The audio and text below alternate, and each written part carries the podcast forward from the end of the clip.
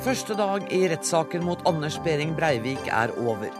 Tiltalte erkjente ikke straffskyld, beskyldte dommeren for inhabilitet og gråt av egen propagandafilm.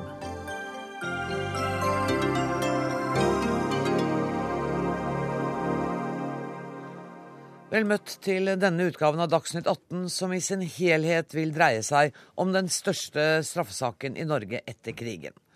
Aller først til det som skjedde i Oslo tinghus i dag. Retten ble satt presis klokka ni, og da var rettssal 250 i tinghuset for lengst fullsatt. Og kollega Ellen Omland, du følger rettssaken for Dagsnytt. Hva vil du si er det viktigste som skjedde i dag? I dag så holdt eh, statsadvokat eh, Svein Holden og forsvarer Geir Lippestad sine innledningsforedrag. Altså De la rett og slett til grunn rammene for hvordan eh, rettssaken skal foregå, og hva som vil bli tatt opp av aktoratet og forsvarerne. Nå vet vi rett og slett mer om hva vi har å vente de neste ti ukene. I tillegg så har vi jo i dag fått se Breivik eh, over mange timer. Vi har fått sett hvordan han reagerer, rett og slett. Og til Dagsnytt i dag så sa du at eh, det var tydelig på ansiktene på dem som satt og hørte på, at eh, de var preget av eh, alvoret og av at Behring Breivik satt i salen. Hva var det som gjorde sterkest inntrykk, tror du, i dag? Ja, Det var jo en veldig mm, spent, men fattig lettet og rolig stemning eh, i retten. Det var mye sterke bilder, lydlogger og videoer som ble spilt av. Spesielt så var det en telefonsamtale fra en jente som eh, gjemte seg i eh, kafébygget.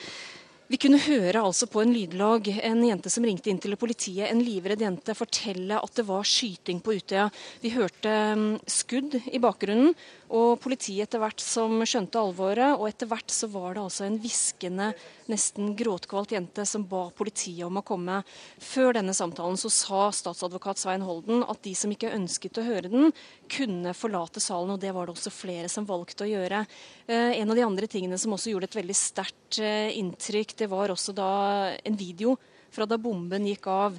Eh, vi så altså da bilder fra overvåkningskameraer fra regjeringskvartalet.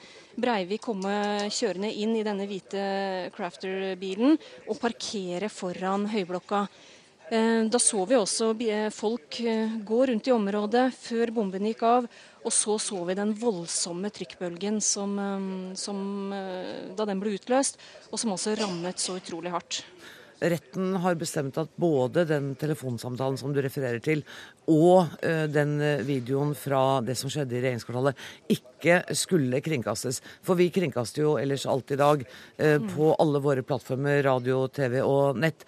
Um, og bare sånn at vi forklarer hvorfor vi ikke har, har, sendt dette i dag. Men så ble det jo også vist en propagandavideo som Behring Breivik selv har laget. Mm. Eh, det ble det. Eh, dette her er en video. Da forklarte altså Svein Holden i innledningsforedraget sitt at de var veldig i tvil. Veldig i tvil om hvorvidt de skulle vise den i retten i dag, men de hadde altså eh, til slutt landet på at det var viktig fordi Breivik har brukt så mye tid på å lage den, altså sammen med manifestet sitt. Så de viste den. Dette her var en bilderekke, eller altså det var rett og slett stillbilder som var satt sammen med tekst, hvor det var en utdypning av hans politiske ståsted ståsted. Eh, da vi kom litt ut i filmen, den var sånn rundt eh, ti minutter lang kanskje, eh, da vi kom litt ut i filmen, så begynte Anders Behring Breivik å gråte. Tårene trillet. Han tok seg i ansiktet og var veldig oppskaket før han, før han samlet seg igjen. Og, og, hvorfor han begynte å gråte, det kan man jo da altså, lure på. Men det Lippestad har jo tidligere da altså sagt at han eller Han sa jo det på sin eh, pressekonferanse etter at uh, retten ble hevet i dag, at han ble rett og slett sånn uh, beveget over, over sin, egen, sin, egen, video. Bortsett fra disse tårene, var det noen andre følelsesuttrykk som du kunne observere fra tiltalte i dag?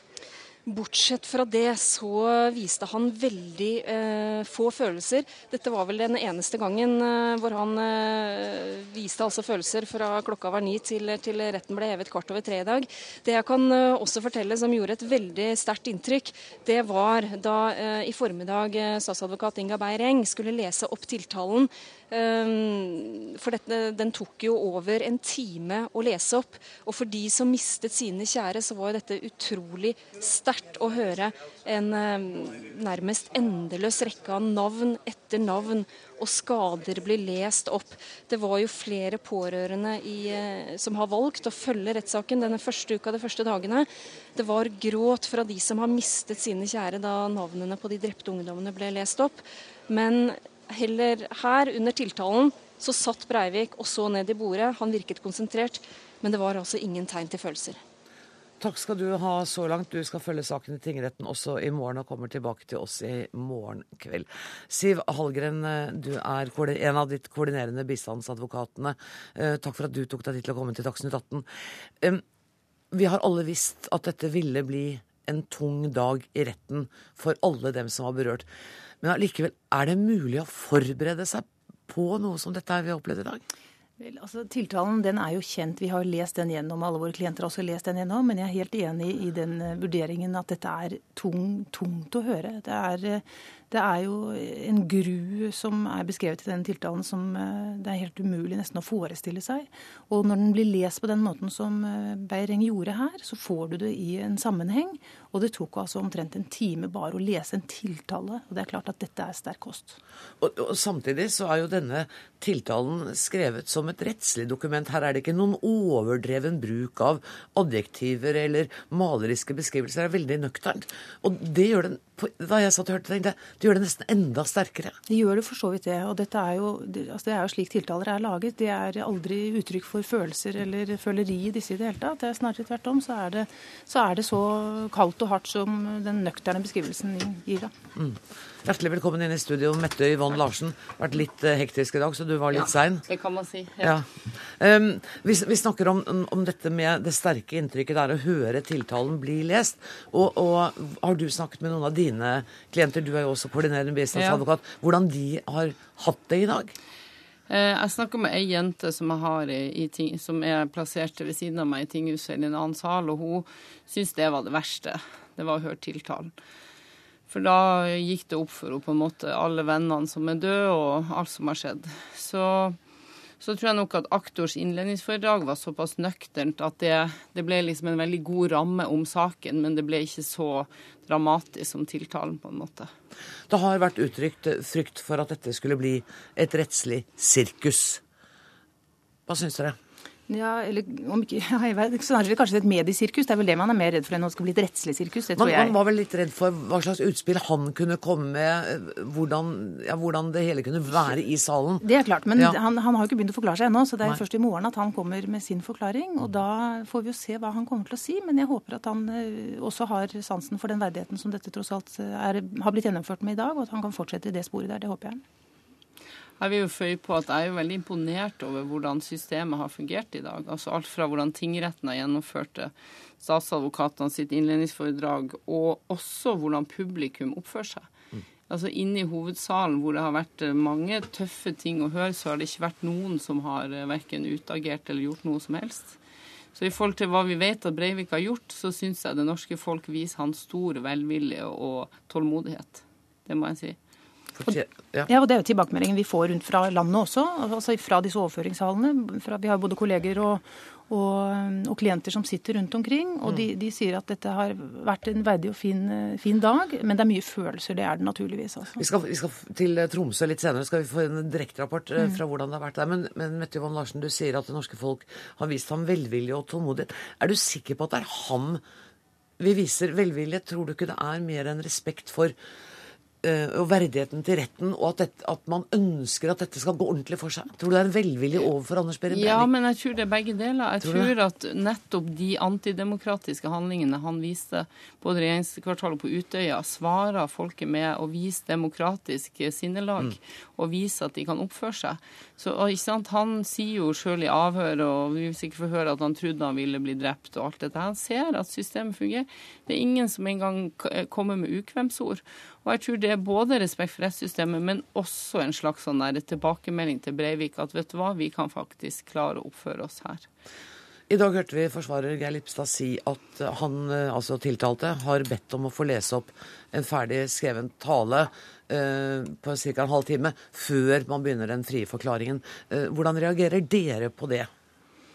Nei, jeg, jeg, tror at det som er viktig, er å la ham få anledning til å forklare seg slik som han ønsker det. Eh, og hvis dette er en fornuftig måte å gjøre det på, så tror jeg det kan være ok. Det jeg ikke ønsker, det er at det skal bli opplesning av manifestet hans i, i dagevis. Det er vi ikke interessert i det hele tatt. Mm. Men at dette kan være et ledd. Og at man det er klart, han, man må jo tenke litt på at han er også utsatt for et voldsomt press i den situasjonen. Å sitte som tiltalt i, i norgeshistoriens uh, desidert verste sak. Det er klart at det er et voldsomt press på ham. Og dette er en, også en måte for ham å forberede sitt forsvar på.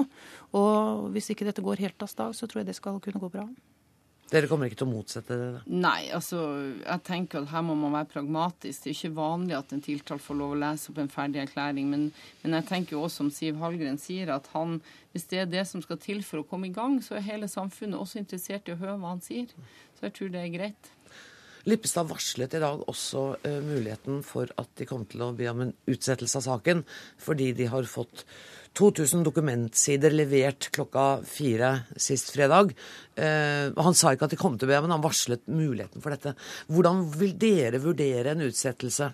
Ja, Det ville være veldig uheldig, helt opplagt. For nå er alle innstilt på dette. Alle har bestilt uh, turer, og vi, de er forberedt på at nå skal det skje. Nå er det ti uker hvor dette skal foregå. Så det ville være veldig uheldig om det blir. Men jeg tror ikke det blir noen realitet. Jeg skjønner godt at det Jeg kjenner ikke det innholdet av det han har fått der, men uh, jeg tror ikke det blir en utsettelse. Og de, de, klarer nok å ta seg inn på, på så dette er mitt inntrykk. Vi, vi frykter ikke det. Vi frykter ikke noen utsettelse. og hvis klientene våre hører på nå, så tror jeg de skal senke skuldrene og tenke at nå får vi saken avvikla og, man, og dere håper på en fellende dom før 22.07.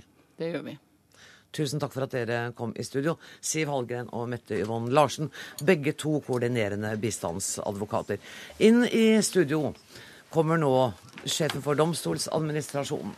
Alle de praktiske og faglige forberedelsene er nå avsluttet. Og Tor Langbakk, hvordan vil du oppsummere første dag? Den har vist at eh, saken behandles med den største verdighet, akkurat slik som forventa. Det har vært snakk om sirkus, ja. og det har på en måte irritert meg litt. fordi jeg har vært helt sikker på at det her kom til å bli så verdig og skikkelig som vi bruker å drive rettssaker i norske domstoler. Men, men, nå hørte vi bistandsadvokatene si at de har ikke vært noe redd for sirkus i retten. De har vært, for at, eh, vært redd for at det er vi journalister som eh, skulle bedrive det sirkuset. Har du også hatt tillit til at denne yrkesstanden skulle takle dette med verdighet? Eh, min tro på at det skulle gå så bra, den var kanskje ikke helt til stede. Men det har gått veldig bra i dag. Media har oppført seg veldig skikkelig, og det har vært helt tatt en god og grei stemning i avvikling av saken i dag. Har det vært rett og slett en vanlig dag på jobben for deg? Det ble det. Eh, det er klart Da saken starta på sekundet klokka ni, så var det jo fotografer inn de første 15 minutter. Men da de trakk seg tilbake, så ble det her en vanlig dag på jobben, rent sånn arbeidsmessig, tror jeg. Men det er klart det er elementer i saken der som gjør at det er en forferdelig vanlig dag på jobben. Ja, og, og, det er også elementer som gjør at det ikke er en helt vanlig dag på jobben. For jeg vil tro at den graden av helsepersonell og støttefunksjoner som dere har, hatt, som dere har under denne rettssaken, det har dere ikke under alle rettssaker. Det har vært veldig spesielt. og det er klart at Arrangementsmessig så har det her vært et kjempeløft. Oslo tingrett har stått i spissen. Vi har bistått som bakkemannskap og med ressurser. og det har vært eh, et omfattende og kostbart og vanskelig arbeid. og Derfor var det så godt å se at alt fungerte så bra i dag. Har det vært noen av de berørte som satt på tidligere plass i rettssalen i dag, som har hatt behov for viktig medisinsk hjelp som resultat av det som skjedde i rettssalen? Det har vært noen tilfeller hvor folk har brutt sammen, men det har gått veldig bra. Og det viser jo også at det var veldig viktig og veldig riktig å ha helsepersonell til stede. Når vi ser på rettssalen, så tenker, så tenker i hvert fall jeg at det kan være et ganske skremmende sted når man er første gang der. Eh, får f.eks. tiltalte får han anvisninger om hvordan man forventer at han oppfører seg i en rettssal på forhånd? Eh, det bør nesten egentlig Lippestad svar på, men generelt så prøver man å snakke med klientene sine om det. Mm. Men det er ikke sikkert at eh, Breivik er den klienten som er lettest å dressere. En del ting kan jo tyde på det. Mm. Vi hadde en uh, håp om at vi skulle få Lippestad med oss i denne sendinga, men han er blitt litt forsinket, så han er fortsatt ikke med oss. Derfor må jeg stille noen av de spørsmålene til deg. Men rettens verdighet handler jo bl.a. om at man viser respekt. Han har sagt i dag at han anerkjenner ikke den retten. Eh, og jeg la også merke til at han reiser seg ikke eh, når dommeren sier at eh, retten er hevet. Betyr det noen ting? Jeg tolker det vel som et utslag av det han sa innledningsvis, at han ikke respekterer retten som legitim og lovlig. Og da ser han vel heller ingen grunn til å, å reise. Hva er de største utfordringene fra domstolsadministrasjonens side de neste ukene? De neste ti ukene blir det jo. Ja, den største utfordringa har jo vært å få på plass overføringa til de 17 lokale domstoler. Mm. Og det gikk jo takk og pris veldig bra i dag, så vi håper jo det fortsetter å fungere like bra.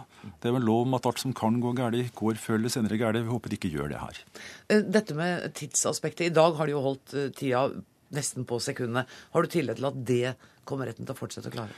Ja, jeg tror det er en sak som begynner klokka ni og slutter mellom tre og fire hver eneste dag. Og det er et tidsløp som er satt opp her som, eh, som er ganske greit å forholde seg til. Bli med oss litt til, eh, for på, med kontakt fra tinghuset er vel Frode Sulland eh, med oss. Du er advokat, og allerede på, dagens, på rettssakens første dag så kom aktor inn på spørsmålet om tiltaltes tilregnelighet. Statsadvokaten la ned påstanden om utilregnelighet og overføring til tvungent psykisk helsevern, men tok et betydelig forbehold om at retten kan komme til en annen konklusjon, og at tiltalen da også vil inkludere dette. Vi skal høre hva statsadvokat Inga Beyer-Eng sa om forholdet med hensyn til tilregnelighet. Slik saken er opplyst på tiltaletidspunktet, er det ikke grunnlag for påstand om ordinær straff, jf. straffelovens paragraf 44 første ledd.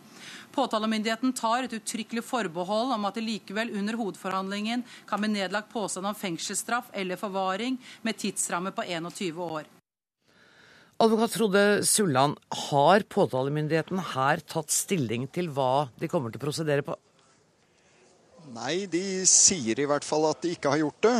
Eh, på pressekonferansen etterpå og i forrige uke så ga de uttrykk for at dette vil de ikke ta standpunkt til før de så å si skal prosedere saken helt uh, mot slutten etter disse ti ukene. Og det som nå ble referert, var jo det forbeholdet som ble skrevet inn i tiltalen på et tidspunkt hvor den nye sakkyndigrapporten ikke forelå. Så vi kan slå fast at påtalemyndigheten fortsatt er åpen og har ikke konkludert med hensyn til tilregnelighetsspørsmålet? Ja, altså På den ene side så har de det, fordi de forholder seg til den tiltalen som de har tatt ut og leser opp i dag uten å gjøre noe mer ut av det. Men på den annen side så sier de da i eh, stort antall kommentarer at dette spørsmålet er helt åpent. Og det er jo det siste som er uvanlig. Man pleier jo å ha en påtalemyndighet som tar et standpunkt i skyldspørsmålet når, senest når saken starter opp. og Det kan jo være litt uh, vanskelig å forholde seg til for aktørene når de ikke vet uh, hvilken vei, hvilken linje uh, påtalemyndigheten skal føre i sin bevisførsel, utspørring osv. Men det er jo en begrunnelse for at de ikke har tatt standpunkt, og den sa jo Beyer-Eng på pressekonferansen, var at den, de andre, den andre sakkyndigrapporten forelå ikke. og hvis de skulle ha ventet på den og på Rettsmedisinsk kommisjon, så ville altså rettssaken blitt utsatt. Ja, det er jo eh, for det første litt vanskelig å se at uh, saken eh, skulle bli noe mer utsatt ut fra at de hadde en holdning til dette, enn ut fra at det kom en ny rapport basert på andres begjæringer. Men det viktigste er jo det hun selv understreker, nemlig at saken må bli så godt opplyst som mulig. Skulle det medføre noen utsettelse eller forlengelse, så må det jo bare bli det. Fordi eh, dette er det store og viktige rettslige spørsmålet i denne saken, og det må bli fullstendig opplyst. Anders Behring Breivik erkjenner ikke straffskyld og påberoper seg nødrett. Vi skal høre hva han sa. Eh, jeg erkjenner handlingene, men ikke straffskyld. Og jeg påberoper meg nødrett. Da er det notert at du ikke erkjenner deg straffskyldig. Frode Sulland, forklar meg og kanskje et par andre forskjellen på nødrett og nødverge. Ja, det er ikke så helt enkelt, men eh, vanligvis så sier man at eh, ved nødrett så står eh, rett mot rett, mens ved nødverge så står rett mot urett. Og med dette siste så er det jo slik at en nødvergehandling skjer til forsvar mot et uberettiget, urettmessig angrep. Og det er jo det man oftest tenker seg i det noen her beskriver som en krigssituasjon eller andre krigssituasjoner. Breivik mener jo at uh, han og sivilisasjonen så å si er i krig, og at dette da skulle være handlinger som er forsvar mot det angrepet. Nå går han da over på en annen forsvarslinje, og da er det jo ganske vanskelig å forstå hvordan det skal forankres i hans eh, ideologiske grunnlag. Så jeg er veldig spent på dette. Lippestad valgte jo å ikke utdype noe nærmere, og så å si overlate til sin klient å forklare oss dette. Så det skal bli interessant å høre hvordan han skal forankre dette i en nødrettsbetraktning. Eh, Breivik kom også med en inhabilitetsanmerkning til rettens administrator fordi hun angivelig er en venninne med Hanne Harlem. Det kunne se ut som det utspillet kom overraskende også på forsvarerne. Hva tror du? Jo, det virket på meg som uh, dette ikke var varslet at det skulle komme i dag. Dette har jo vært et tema som har vært uh, framme, og alle mulige habilitetsvinklinger har jo vært vurdert opp og ned. Uh, og fram og tilbake. Sånn at uh, selve innsigelsen som sådan har man jo avklart tidligere ikke har noe for seg. Så at den skulle bli nevnt i dag, var tydeligvis overraskende også for forsvarer. Tusen takk skal du ha så langt, Frode Sulland, advokat. Um, leder i Domstoladministrasjonen, Tor Langbakk. Vi skal til Tromsø en tur. Hvor, hvor omfattende har det vært det å skulle planlegge at denne saken skulle overføres til Er det 17 tingretter rundt om i landet? Ja, det 17. Eh, det har vært en veldig omfattende planlegging. For det første måtte man jo bestemme hvilke steder det skal overføres til. og Det har skjedd ut fra en analyse om hvor folk bor. Og For det andre så har det jo vært et voldsomt teknisk arbeid med å få på plass kabling og utstyr vi ikke hadde, og lære opp folk osv. Hvorfor valgte dere denne løsningen? Alternativet hadde jo vært å ha saken i et kjempestort lokale med plass til et par tusen folk. Mm. Og dette er en rettssak som bør gå i en domstol med den verdigheten som ligger i det. Det er veldig vanskelig å få til verdighet på en rettssak i Oslo Spektrum f.eks. Um, Nord-Troms tingrett i Tromsø er det eneste stedet utenom Oslo hvor pressen kan følge rettssaken direkte. Og reporter Jan Riise Pedersen, du har gjort nettopp det og vært og fulgt rettssaken fra Tromsø i dag. I Oslo er det stor pågang av presse, også utenlandsk. Har dere møtt eh, noen av dem også i Tromsø? Det har vært eh, overraskende få fra utenlandske medier som eh, har fulgt rettssaken fra, fra Tromsø i dag. Og det har sannsynligvis litt å gjøre med at det på et veldig sent stadium ble eh, klart at det var mulig å få følge saken eh, fra Tromsø som, som, journalist. Så eh, vi ser ikke bort fra at det kommer flere etter hvert. Den eneste utenlandske journalisten som er på plass i Tromsø, det er en reporter fra Sveriges Radio, dokumentarredaksjonen der, en som jobber spesielt med høyreekstremisme. Mm. Så han kommer til å følge saken fra Tromsø fremover i, i flere dager. Hvordan har stemningen vært i Troms tingrett i dag? Det har vært selvfølgelig veldig spesielt. Jeg har snakka med mange av de pårørende som har fulgt eh, saken fra en rettssal. Og eh, de har hatt et støtteapparat som har hatt eh, mye å gjøre i dag. Jeg snakker også med de eh, folk som deltar i, støtteapparatet. Så det har vært eh, tårer, det har vært eh, alle avskyninger av alle følelser man kan tenke seg til i forbindelse med en, med en sak som, som, dette. Men det som er veldig spesielt i tillegg, det altså som du sa, at her kan man da følge, som journalist kan man følge saken direkte. Altså det som skjer i Oslo tinghus, ser vi samtidig og hører samtidig i en egen sal der media har, eh, har, tilgang. Og Det har vært veldig spesielt. Det er første gang at jeg opplever det som journalist, eh, at eh, man kan følge en sak på, på denne måten. Og det gir noen spesielle inntrykk. Det har vært sagt her tidligere at den tiltalte ikke viste noe følelser under rettssaken, bortsett fra at han gråt etter at han hadde fått sett sin egen, sin egen film som han har laga. Men det spesielle med å se saken på en storskjerm der to kamera, en del storskjerm der det ene kameraet faktisk følger den tiltalte hele tida, det, det, gir noe ekstra. Jeg så faktisk eh, at den tiltalte smilte noen gang i løpet av dagen. Og det var da, da det ble spilt av eh, filmer bilder fra de forskjellige overvåkningskameraene som er i og rundt eh, regjeringskvartalet. Eh, da, da, Anders Behring Breivik så seg sjøl forlate regjeringskvartalet iført denne falske politiuniformen, så var det helt tydelig at han smilte gjenkjennende til, til det. Litt seinere, under avspillinga av denne videoen, så kunne man helt tydelig spore et smil da bomba smalt. Det, vi snakker jo om en bombe på nesten 1000 eh, kilo. Da så, da så at han sperra opp øynene, og det kom et lite smil til, eh, til, til syne i ansiktet hans. Og også en tredje gang kunne man se antydning av et smil i ansiktet. Og det, og det var da, da, folk løp for livet for å komme seg bort fra eksplosjonen. Slik at, at følelsene var så absolutt synlige etter min mening, i ansiktet til den tiltalte flere ganger i, i, løpet av dagen i dag. Mm. Men han kan på en måte uttrykk for de motsatte følelsene av det resten av forsamlingen eh, satt og følte på. Vi skal snakke med Marta Hofsøy, du er leder av AUF i Tromsø. Du var på Utøya og sto og tok oppvaska i kafébygningen da du plutselig hørte rop fra andre AUF-ere. Og du klarte å gjemme deg ved pumpehuset, men du opplevde at Breivik skjøt gutten som satt ved siden av deg. Er du med oss, Marta Hofsøy? Ja. ja. Hvordan, hvordan, har det vært for deg å følge rettssakene i Tromsø i dag? Altså, det er jo selvfølgelig ubehagelig å se gjerningsmannen, og det er mange ting som er ukomfortabelt, for å si det mildt. Mm. Men uh, først og fremst så er jeg stolt av at jeg bor i et land der vi kan møte bestialitet med en sånn her verdighet.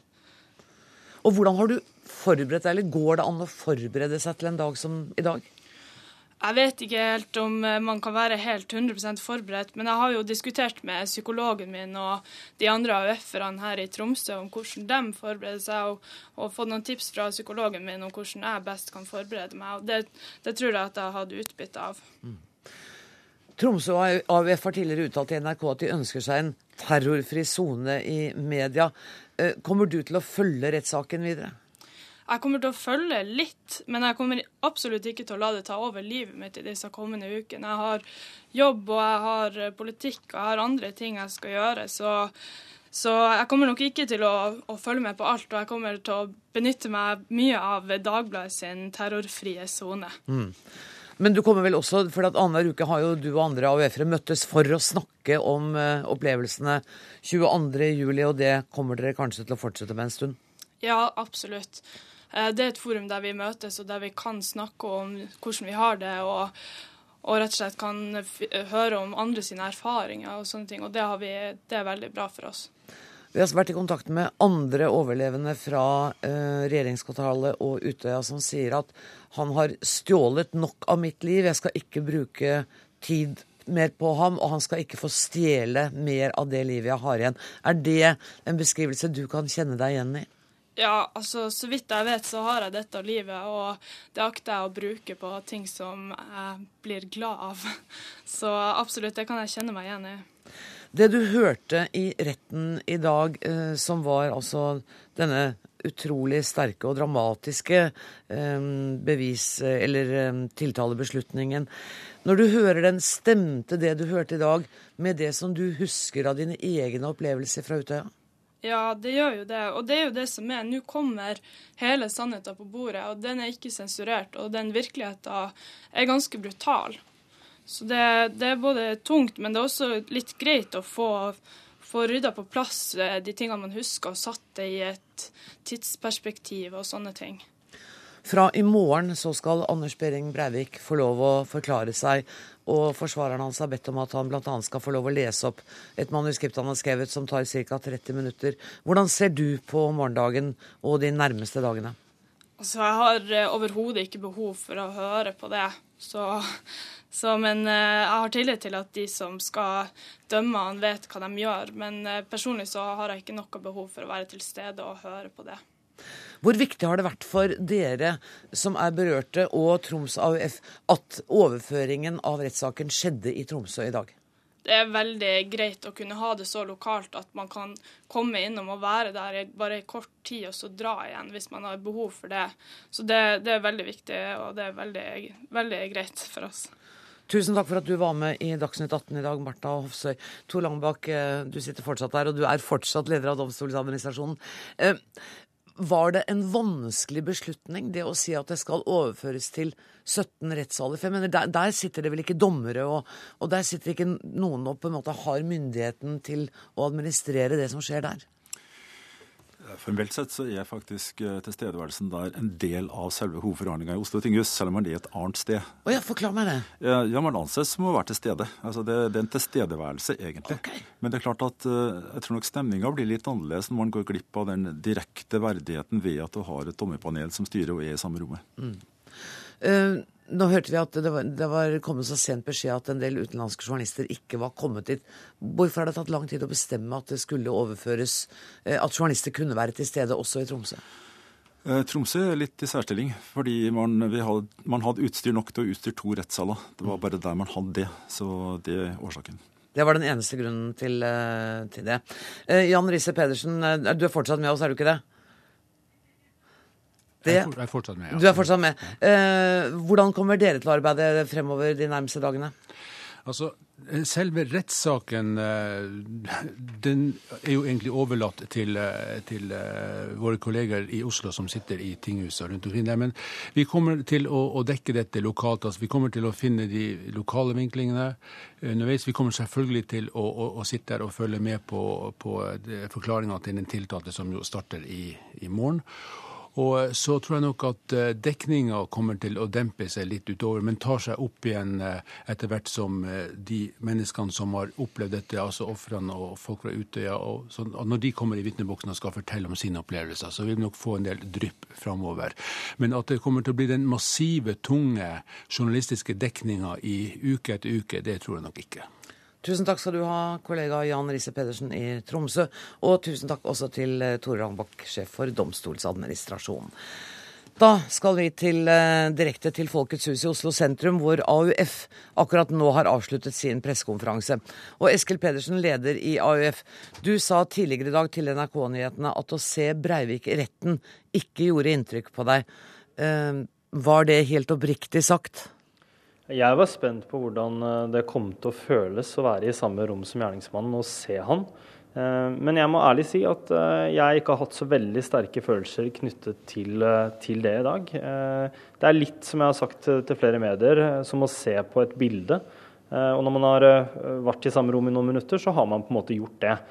Og tankene mine, det har vært når jeg har sett han eller hørt om handlingen hans i dag, så har jeg tenkt på de vennene mine som jeg kjente så godt, og som ble eh, drept den 22.07. Eh, tankene mine har vært på de gode minnene jeg har av de. Mm. Og eh, din AUF-kollega Martha, Martha Hofsøy i Tromsø sa nettopp at jeg vil ikke at han skal ta mer oppmerksomhet fra livet mitt. Jeg vil konsentrere meg om livet mitt og om vennene mine og om politikken. Og det er vel noe du kan kjenne deg igjen i? Absolutt. Jeg blir veldig stolt når jeg hører Martha, Og jeg er helt enig i det viktige budskapet som hun har. Eh, at eh, man må selv ta en vurdering på hvor mye man vil følge rettssaken. Eh, det er en rettighet man har, men det er ikke en plikt som noen må føle på.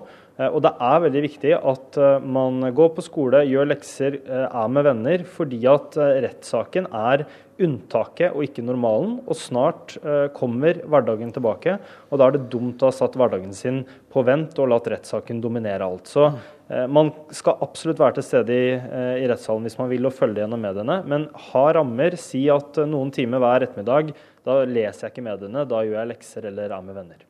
Du har også tidligere sagt at du har vært du er litt bekymret over at Anders Behring Breivik skulle få en talerstol, og at vi i mediene skulle liksom viderebringe alle hans ytterliggående synspunkter.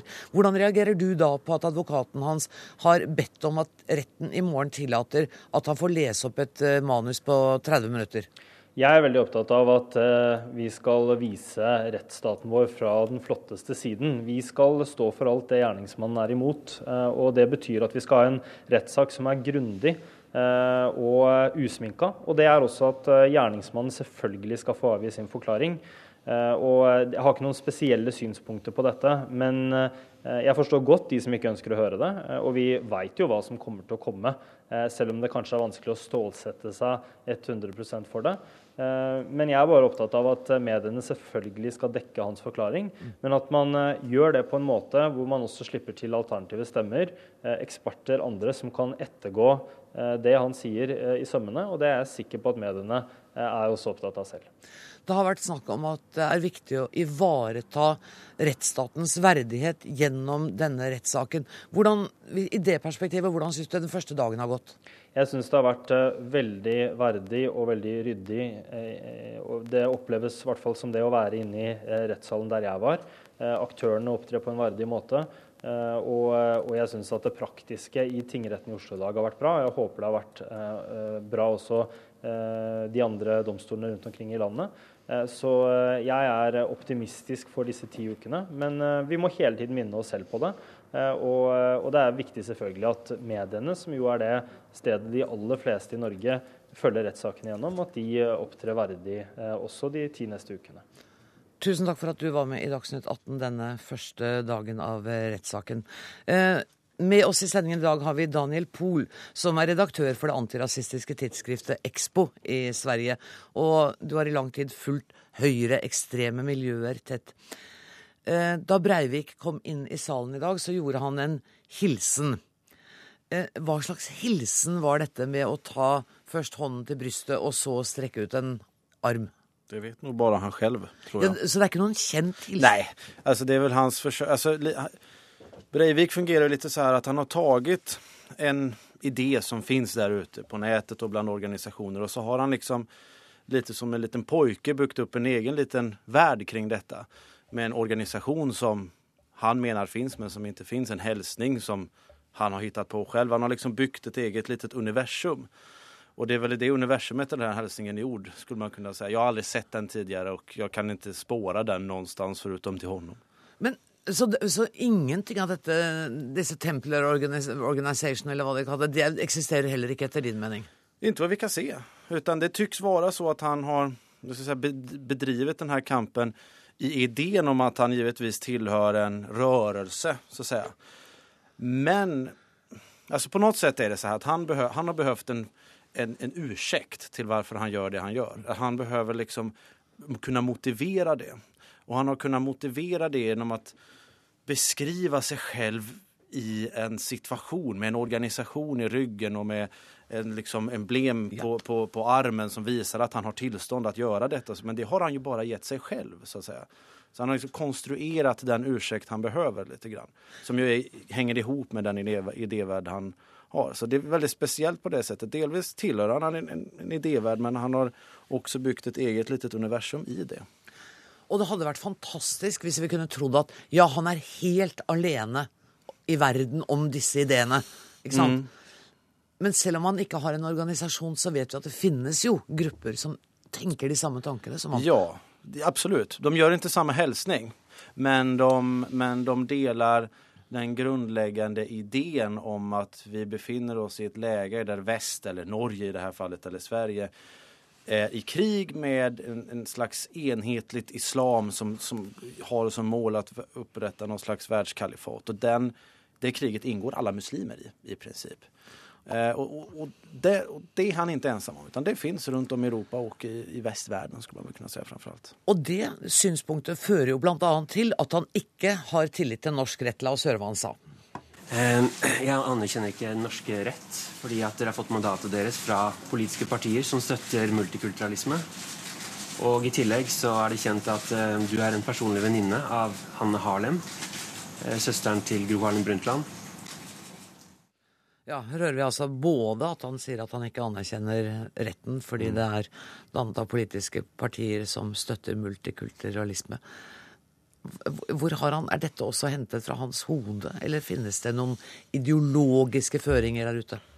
Nei, men det finnes jo en, en ideologisk idé som jo tar seg litt ulike uttrykk, forstås, men som enda handler om at vårt samhälle styrs av en politisk elit som ikke representerer folket.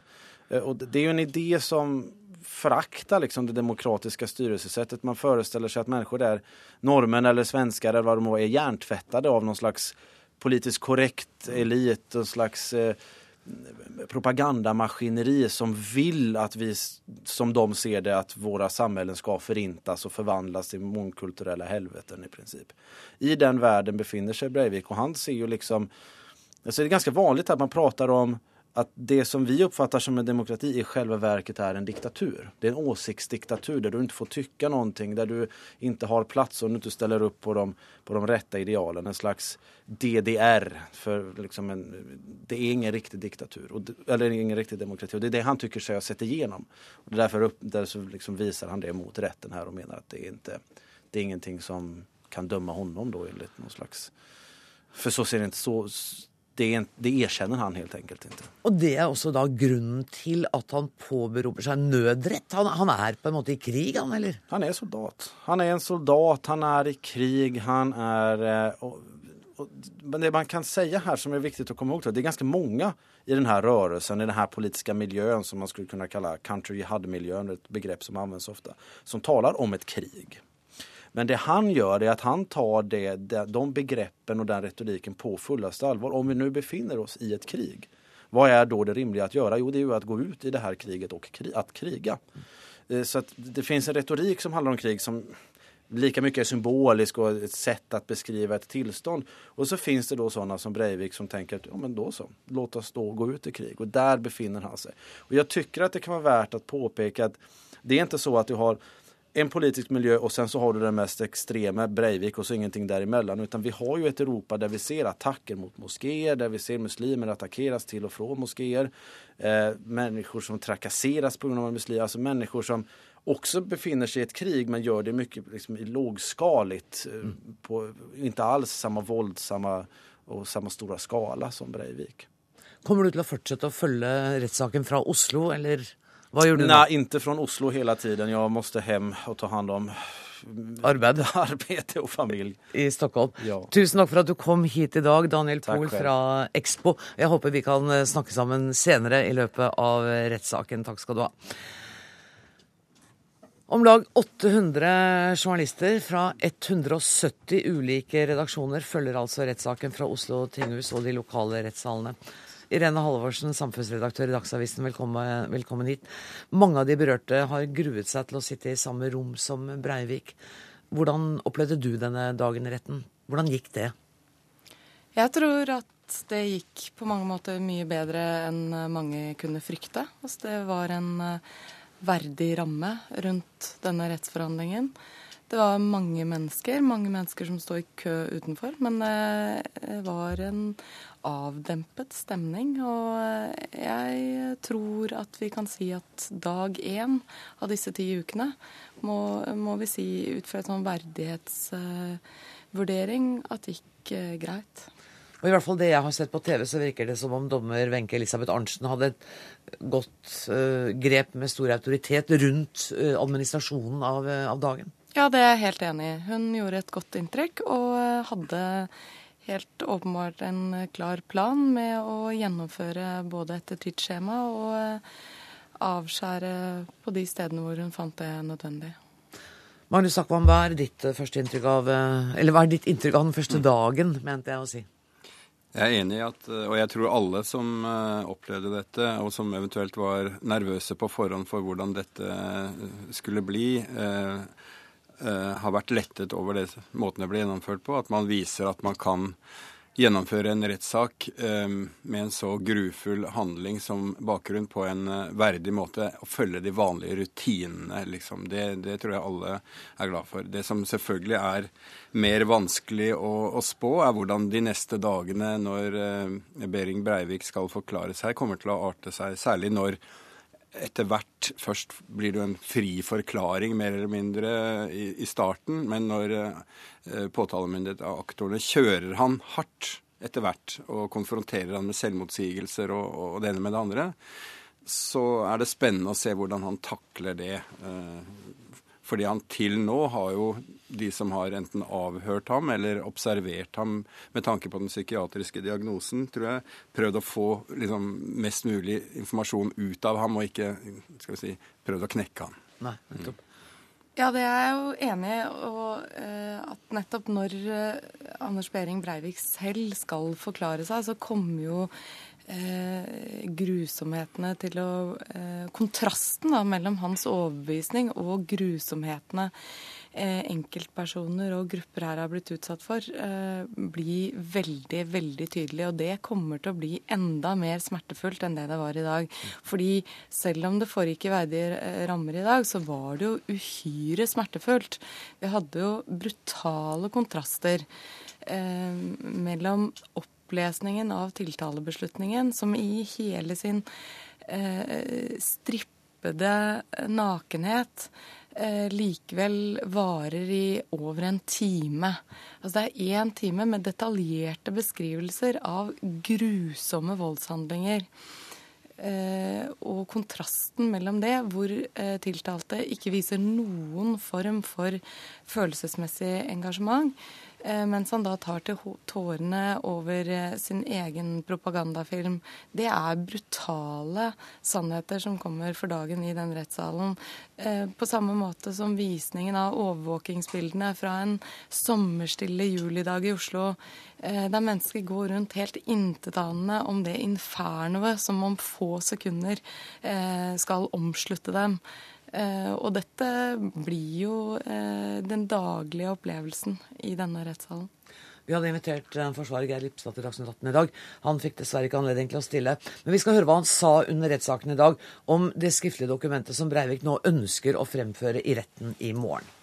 Tiltalte vil fremme et ønske i morgen om å kunne bruke et støttedokument ved oppstart av sin forklaring. Det er et skriftlig dokument som han har forberedt, og som det vil ta ca. 30 minutter å lese opp. Ca. 30 minutter å lese opp. Eh, er klar over at utgangspunktet er en muntlig forklaring, og han vil jo selvfølgelig forklare seg muntlig.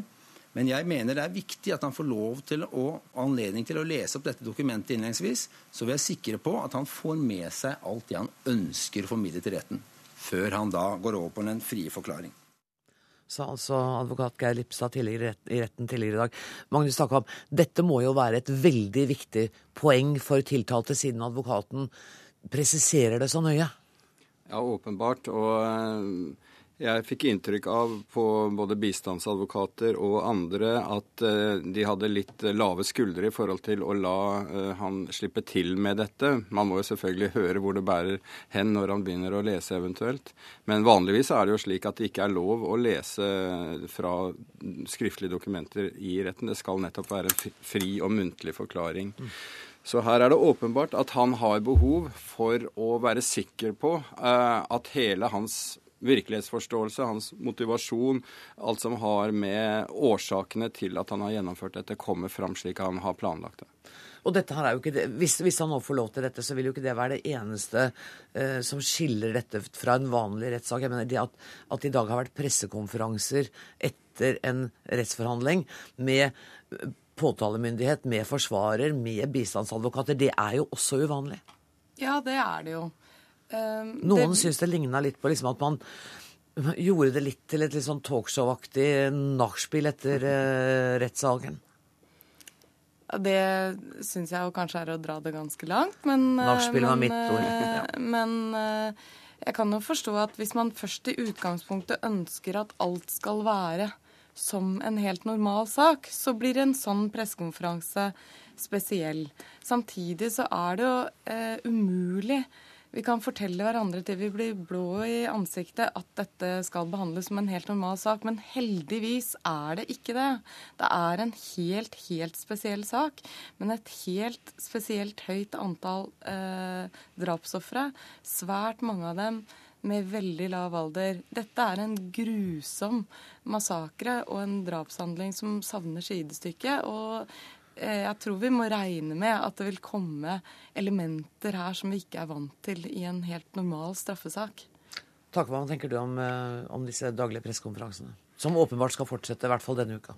Ja, jeg tror i hvert fall det er eh, et behov i begynnelsen for å ta av medietrykket. Det er jo, Jeg hørte på pressekonferansen, jeg syns ikke det var mye de sa. fordi når rettssaken først er startet, okay. så kan de kan ikke referere fra fortrolige samtaler med klienten osv. Så, videre, så interessen vil vel eventuelt avta, eh, tror jeg. Men med et sånt medietrykk så er det bedre å få, få gjort det unna på den måten. Eh, alternativet hadde blitt en, mer sirkus, tror jeg. Og kanskje blir det flere spørsmål i morgen hvor, hvor hans forklaring jo ikke skal kringkastes?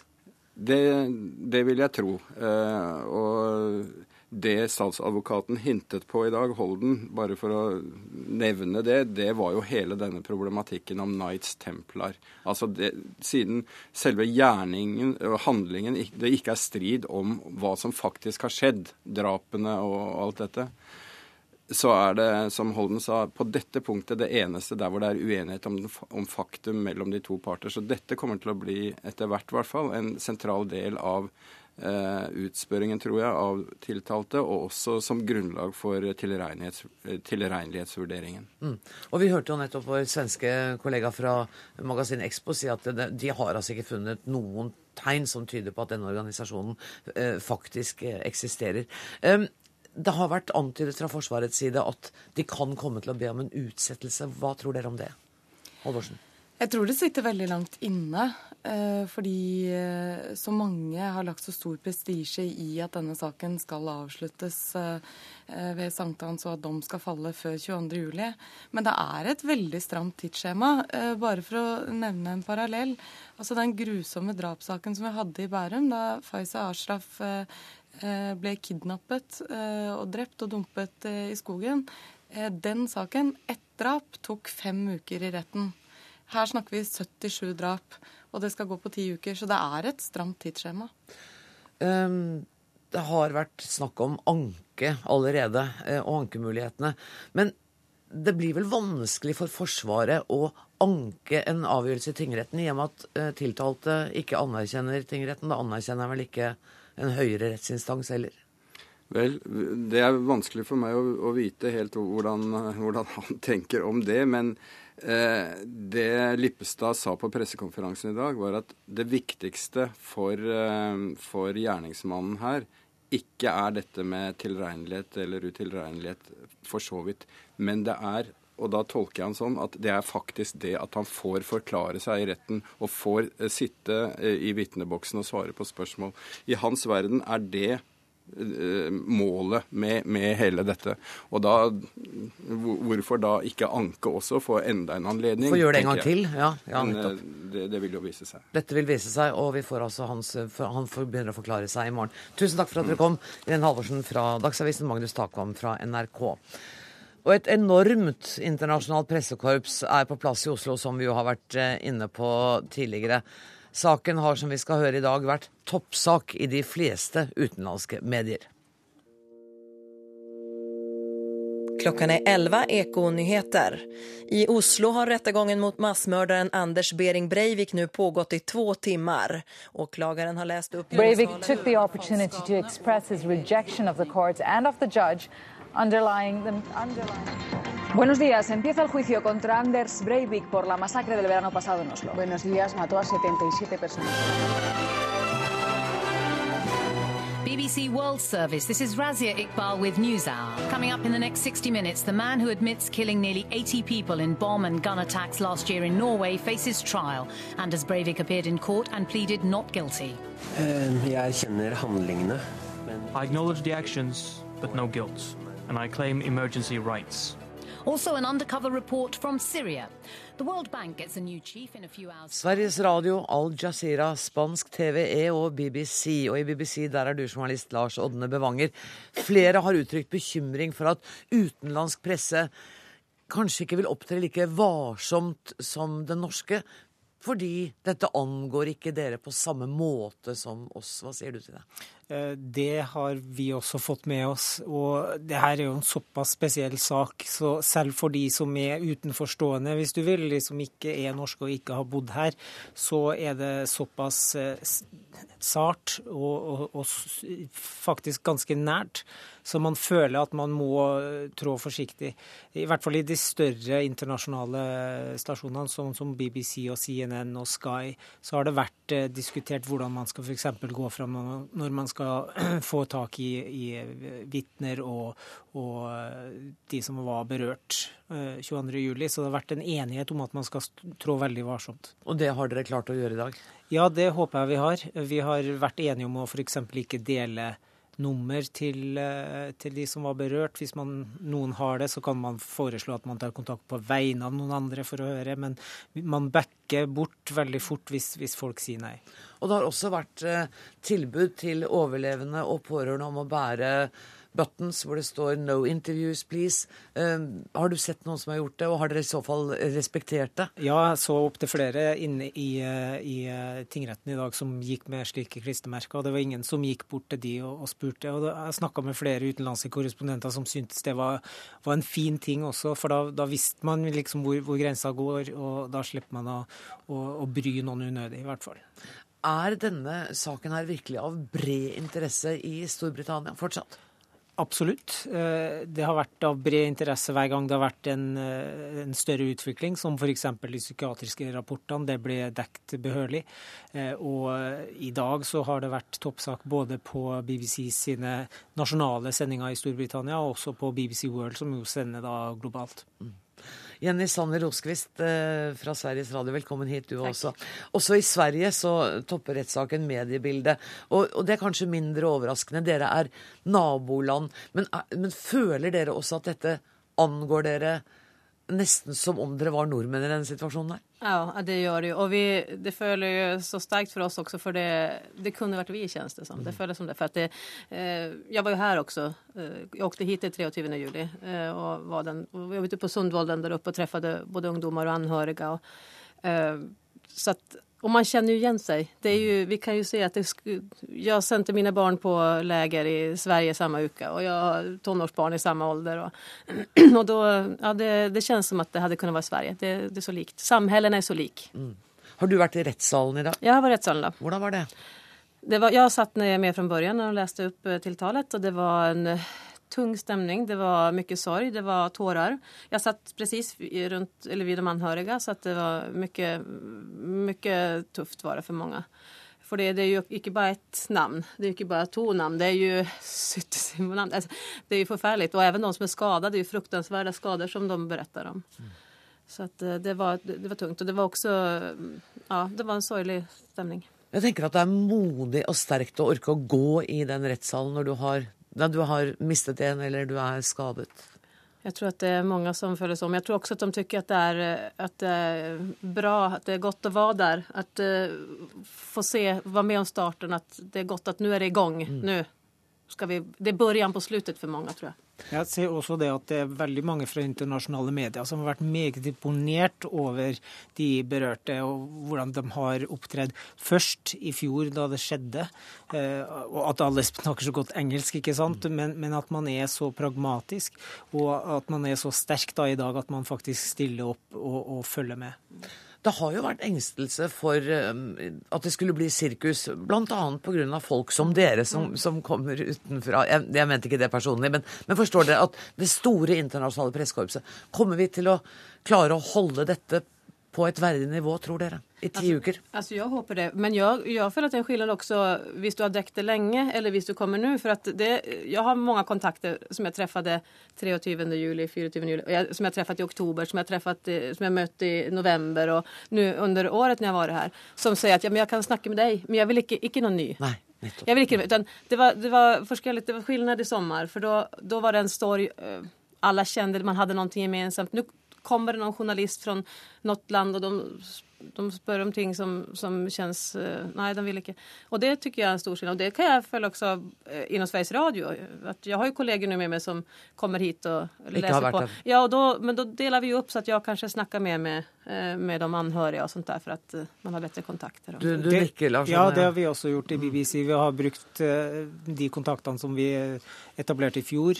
Vi var jo på plass her allerede 23.07. og, og fikk kontakter da som vi igjen har, har bedt om, om, å få snakke med igjen, og, og prøvd å minimere da, pågangen på, på, de andre berørte på den måten. Hvor lenge kommer det til å være i Oslo nå for å dekke saken? Altså, ja, denne uka. Mm. Eh, klart. Sen så kommer jeg tilbake neste uke. Og jeg, har, jeg følger jo en av dem fra Oslo, da, så jeg kommer å være når hun skal være vitne. Så kommer jeg være her. Og sen så kommer jeg ulike dager under hele tiden. Det er mer eller mindre det samme med BBC. Vi planlegger å være her fram til fredag morgen, og så kommer tilbake mot slutten av saken. Da kan det hende at vi kommer til å ses i dette studioet i løpet av rettssaken. Tusen takk for at dere kom i dag, Lars Åtne Bevanger fra BBC og Jenny Sanne Rosekvist fra eh, Sveriges Radio. Dagsnytt 18 på denne første dagen av rettssaken mot Behring Breivik er slutt. I morgen starter Anders Behring Breivik sin forklaring. Vi får bl.a. hjelp av eksperter på høyreekstremisme og på retorikk for å sette forklaringen hans i en sammenheng. Ansvarlig for dagens sending var Karoline Rugeldal. Det tekniske ansvaret har Karl Johan Rimstad. Jeg heter Anne Grosvold, og vi høres igjen i morgen klokka 18. Takk for nå.